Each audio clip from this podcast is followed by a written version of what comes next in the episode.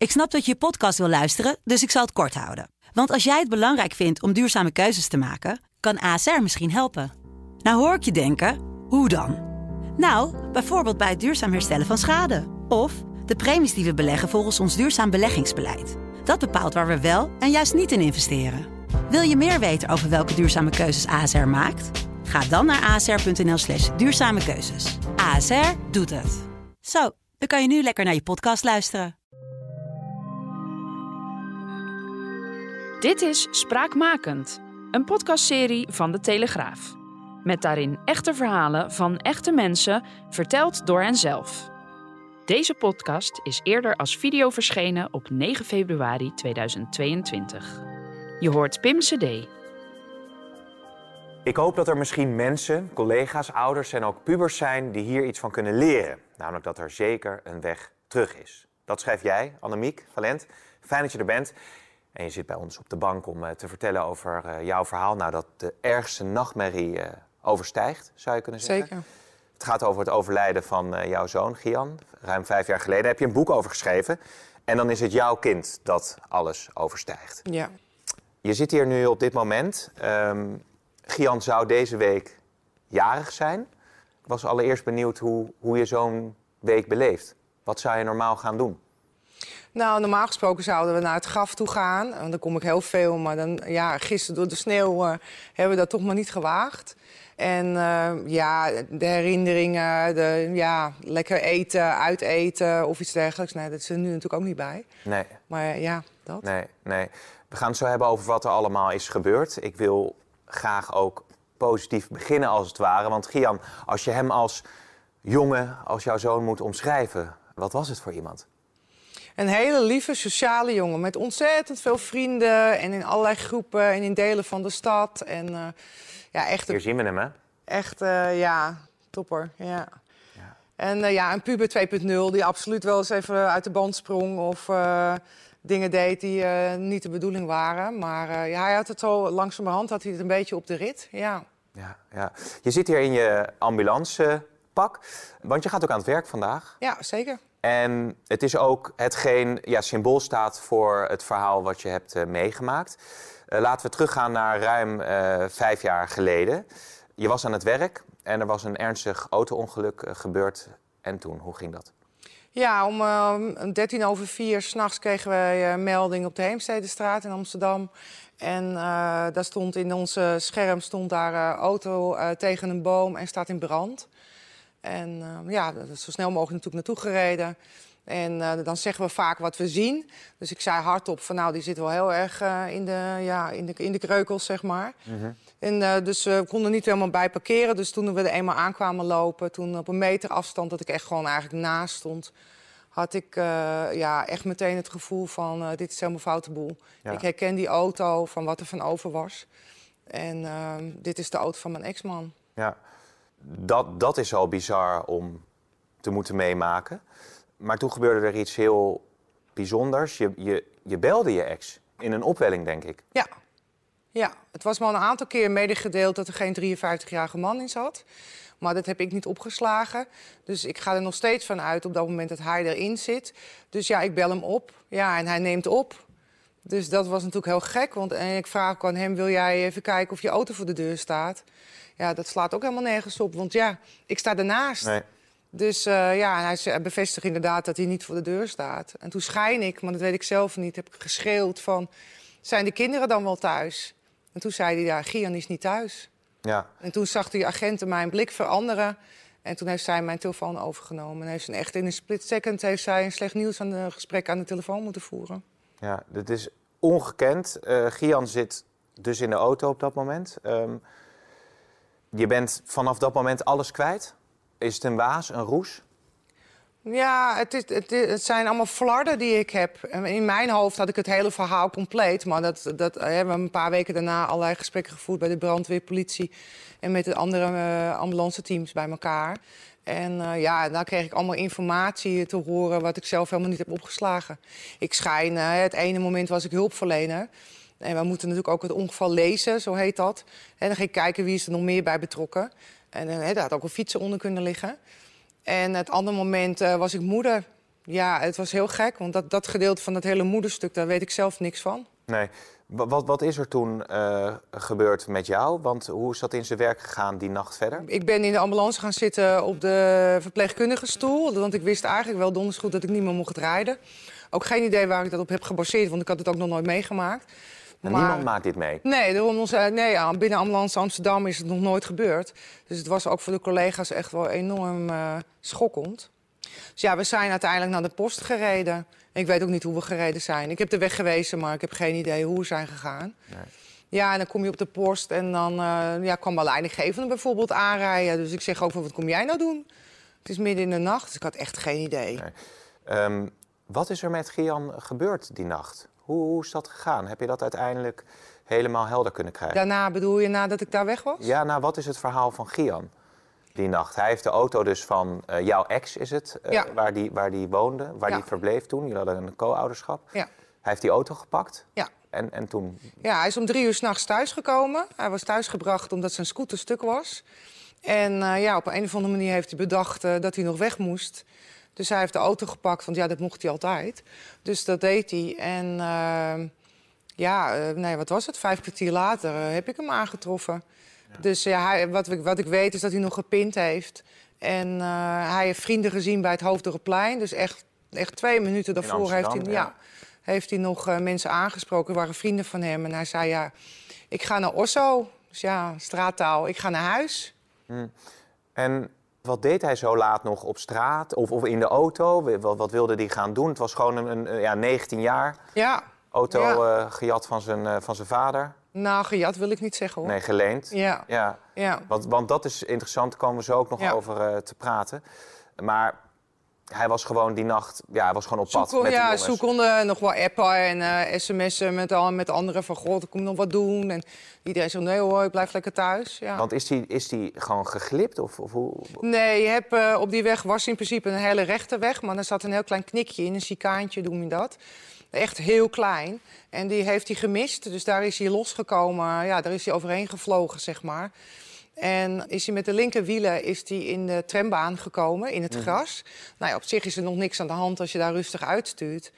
Maar hij heeft een ruk aan het stuur gegeven. Dus is hij naar de andere kant gegaan. Heeft hij een boom geschramd, rechts. Ja, en toen heeft hij ja, de verkeerde kant op gestuurd... waar de volgende boom er gewoon fataal helemaal inging. Ja, want ik, ik, ik zeg gejat, dat is inderdaad niet het goede woord... maar hij was natuurlijk 19 en had geen rijbewijs. Ja, klopt. Dus dat wekt de indruk dat hij misschien de auto van zijn vader zomaar heeft genomen. Maar dat is niet zo. Nee. Daar ben jij later achter gekomen. Ja. Hoe is dat gegaan? Ja, het is me nooit verteld. Ik ben er zelf achter gekomen. We hebben de telefoon van Gia laten maken. Het hele scherm was stuk. Dus normaal moet je natuurlijk een scherm kopen. Maar we hebben de situatie uitgelegd. Dus ze hebben hem erop gelegd. En als hij aanging, dan eh, moesten we het scherm kopen. Ja, en dan kan je er nog natuurlijk niet in. Want nou ja, dat was niet zo moeilijk met al die jeugd. Die ziet dat de hele dag zo te doen natuurlijk.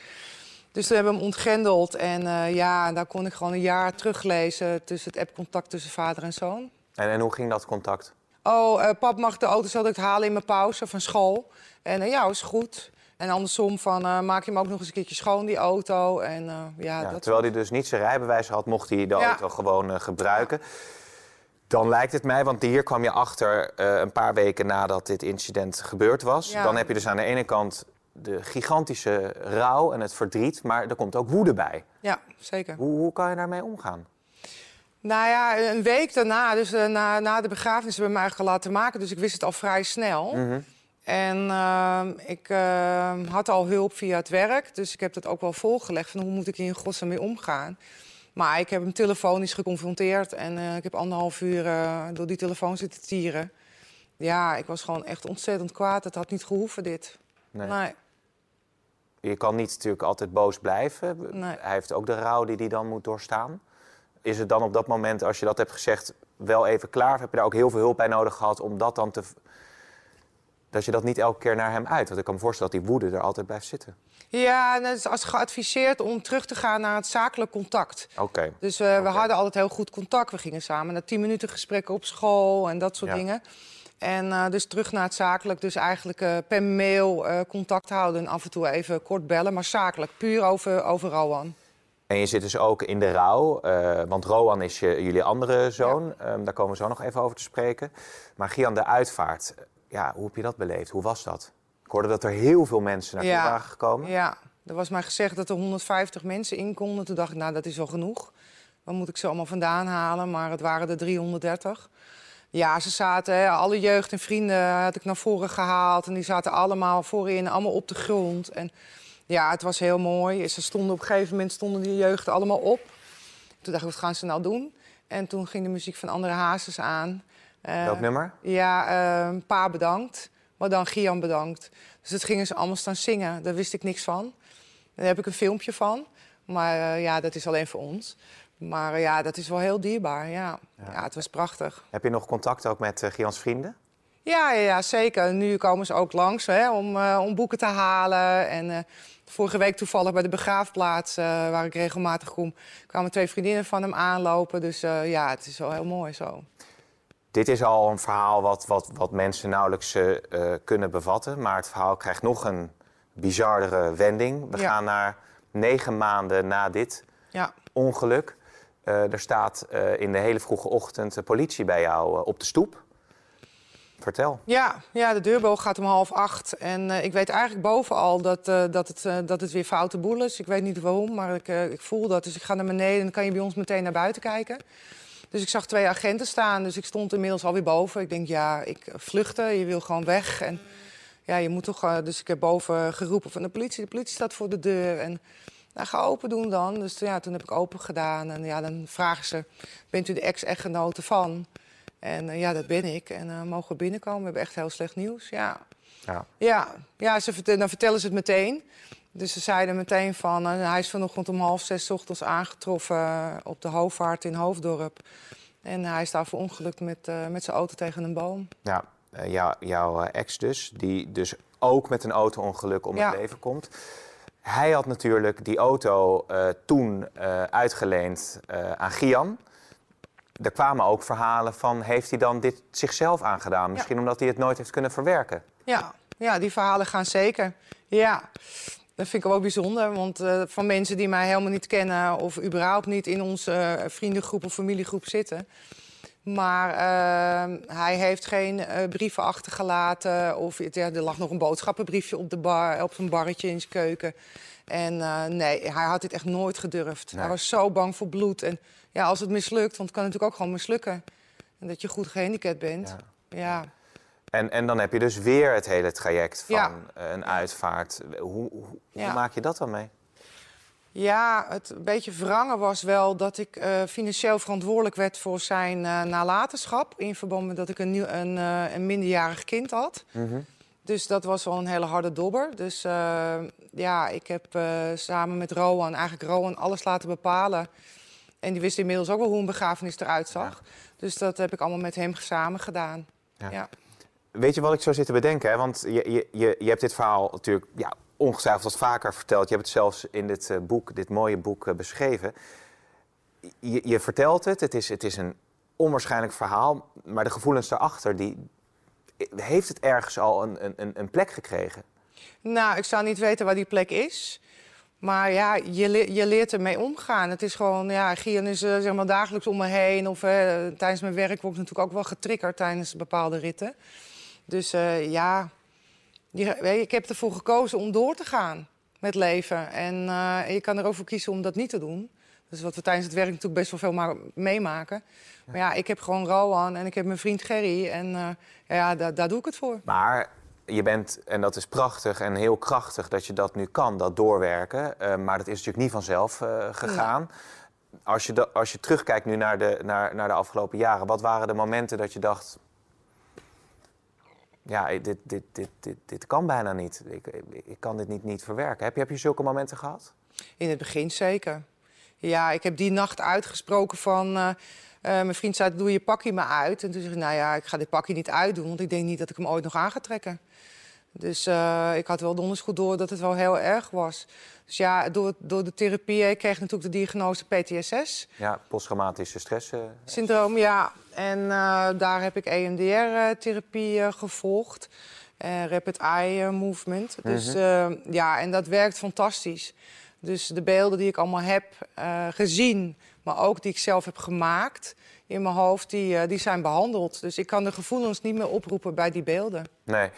En het is een traject wat, dat het steeds ietsje beter gaat. Want in het begin was het, het op straat gaan of, of je aankleden Ja. of, of je opmaken eigenlijk al te veel. Ja joh, ik wist eh, als ik onder de douche stond niet eens of ik shampoo eerst of cremespoeling in mijn haar moest smeren. Ik wist de eerste keer dat ik ging koken stond alles aan te branden. Ik kon gewoon nog maar één ding tegelijk. Dat was gewoon verdwenen. En weet je wat zo mooi is? We hadden net een gesprek eh, voor deze uitzending en je vertelde over Roan. Dat is natuurlijk een, een, een enorm krachtige kerel. Ja, Want- zeker. Want, die heeft dit allemaal moeten meemaken. Hij was Ja. één dag 16 Ja, toen zijn oudere broer overleed. Hij heeft zijn vader verloren. ja. En je vertelde dat hij nu gewoon een opleiding volgt en een vriendin heeft. Ja, ja, super. Ja, het gaat supergoed. Ja, vorig jaar is hij wel een jaartje eruit geweest. En ja, dat, dat moest ook wel een keertje komen. En daar heeft hij ook therapie voor gehad. En ja, het gaat supergoed. Ik ben echt super trots op hem. Ja, Ja, is, dat, is dat dan ook hetgeen wat je overeind houdt? ja, ja. Ja, ons gezinnetje, ons, ons ding. Wat, ja, dat gaat gewoon supergoed. Dus daardoor, eh, ja, je familie, je vrienden, je collega's waarmee je werkt. Ja, Want je zit nu weer eh, in de ambulance, je, Ja. je doet het werk weer. Dan zijn er dus weer auto-ongelukken. ja. Ga je daar dan weer heen? Ja, ik ga overal heen. Ja, ik eh, doe alles. En eh, sommige dingen ja, die wekken wel spanning op. Dus als wij een melding krijgen van een auto-ongeval... en er staat bijvoorbeeld in ons scherm niet bij hoe het met die slachtoffers gaat... dan vind ik het wel heel spannend. Ja. Ja, Maar je werkt wel met vaste collega's Ja. die je dan ook kunnen helpen. ja. Nou ja, ik werk er gewoon in mijn, op mijn eigen post en alleen met eigen collega's. Want die weten het verhaal en die, kunnen, ja, die weten dat ik ook wel anders kan reageren. Want dat is wel gebeurd. En hoe, hoe- leg uit. Hoe, wat, Nou, er was een ongeval gebeurd op de A10 en daar lag een auto op zijn kop. En eh, daar kwamen wij, kwam ik aan en ehm, gelukkig waren er ook al andere collega's. Ja, je moet naar die auto toe. Je moet natuurlijk wel daar gaan helpen. En eh, ja, ik werd stil, ik zei niks meer en ik ben bij een raampje gaan kijken. Daar zag ik een voet en toen dacht ik, nou, ik heb genoeg gezien. Dus eh, ja, ik eh, heb daar wel gewerkt. En, nou, ik, deed, ik kreeg opdrachten, die voerde ik wel uit. Maar ik communiceerde niet meer. Nee. Ik vond het zo Nee. eng. Ja. Nee. Nou, Het is maar één keer gebeurd in al die jaren, gelukkig. en Maar- het is eh, ja, super dapper dat je dat werk weer doet. Dat je dit boek hebt geschreven, onderdeel van de verwerking. En nu ook te lezen voor anderen. Wat ik al schetste, ik denk ook om ja, mensen kunnen laten zien dat, dat, dat je alles, eh, dat zelfs van dit onwaarschijnlijke verdriet je kunt, eh erbovenop kunt, eh, Zeker, kunt komen. ja. Nou, Dus, eh, zag ik nog één heel bijzonder ding, als je dat wilt vertellen. Want je hebt een ketting om. Ja, ja. Wat, wat is dat voor, voor ketting? ja, het is een ketting met een gebroken hartje. En daar zit een heel klein fotootje in van Gian en een, en een heel klein stukje plukje haar. Iemand had tegen me gezegd van je moet even een plukje haar afknippen. En ik, ja, wat moet ik daar dan mee? Maar eh, ja, de begrafenisondernemer Clemens die heeft dat gedaan. En eh, ja, uiteindelijk kwam ik hierop en ja, ik heb het erin gestopt. Het is prachtig. En altijd eh draag Altijd je het, ook als je Ja. slaapt, bij wijze van spreken. ja alleen ja. En, en als je nu aan Gian denkt, ehm, kun je dan het, het, het, het, het ongeluk als, als iets apart zien? En heb je de mooie herinnering aan, aan, aan wie, hij, wie hij was? Ja, zeker. Ja, ik ben echt geen seconde boos op hem geweest. Maar ik bedoel meer van het Ja. feit van, komen er dan de positieve herinneringen aan, aan wat jullie hebben meegemaakt samen naar boven? Ja, zeker. Ja, zeker de foto's en, eh, en de mooie vakanties. En eh, ja, echt die, die, die puber. Ja, ja, het was een lastige puber, dat wel. Maar ja, het was een mooie, mooie joch om te zien ook. Ja, Ik wens jou met eh, Gerry, eh, je vriend en Roan, eh, alle sterkte. Dankjewel. En heel veel kracht toe. En ik hoop gewoon een prachtig leven. ja zeker. Dankjewel. Fijn dat je hier was. Dankjewel. Dank je. Spraakmakend is ook te beluisteren via Apple Podcasts, Spotify en alle andere podcastkanalen. Je kunt je gratis abonneren, zodat je nooit meer een aflevering hoeft te missen.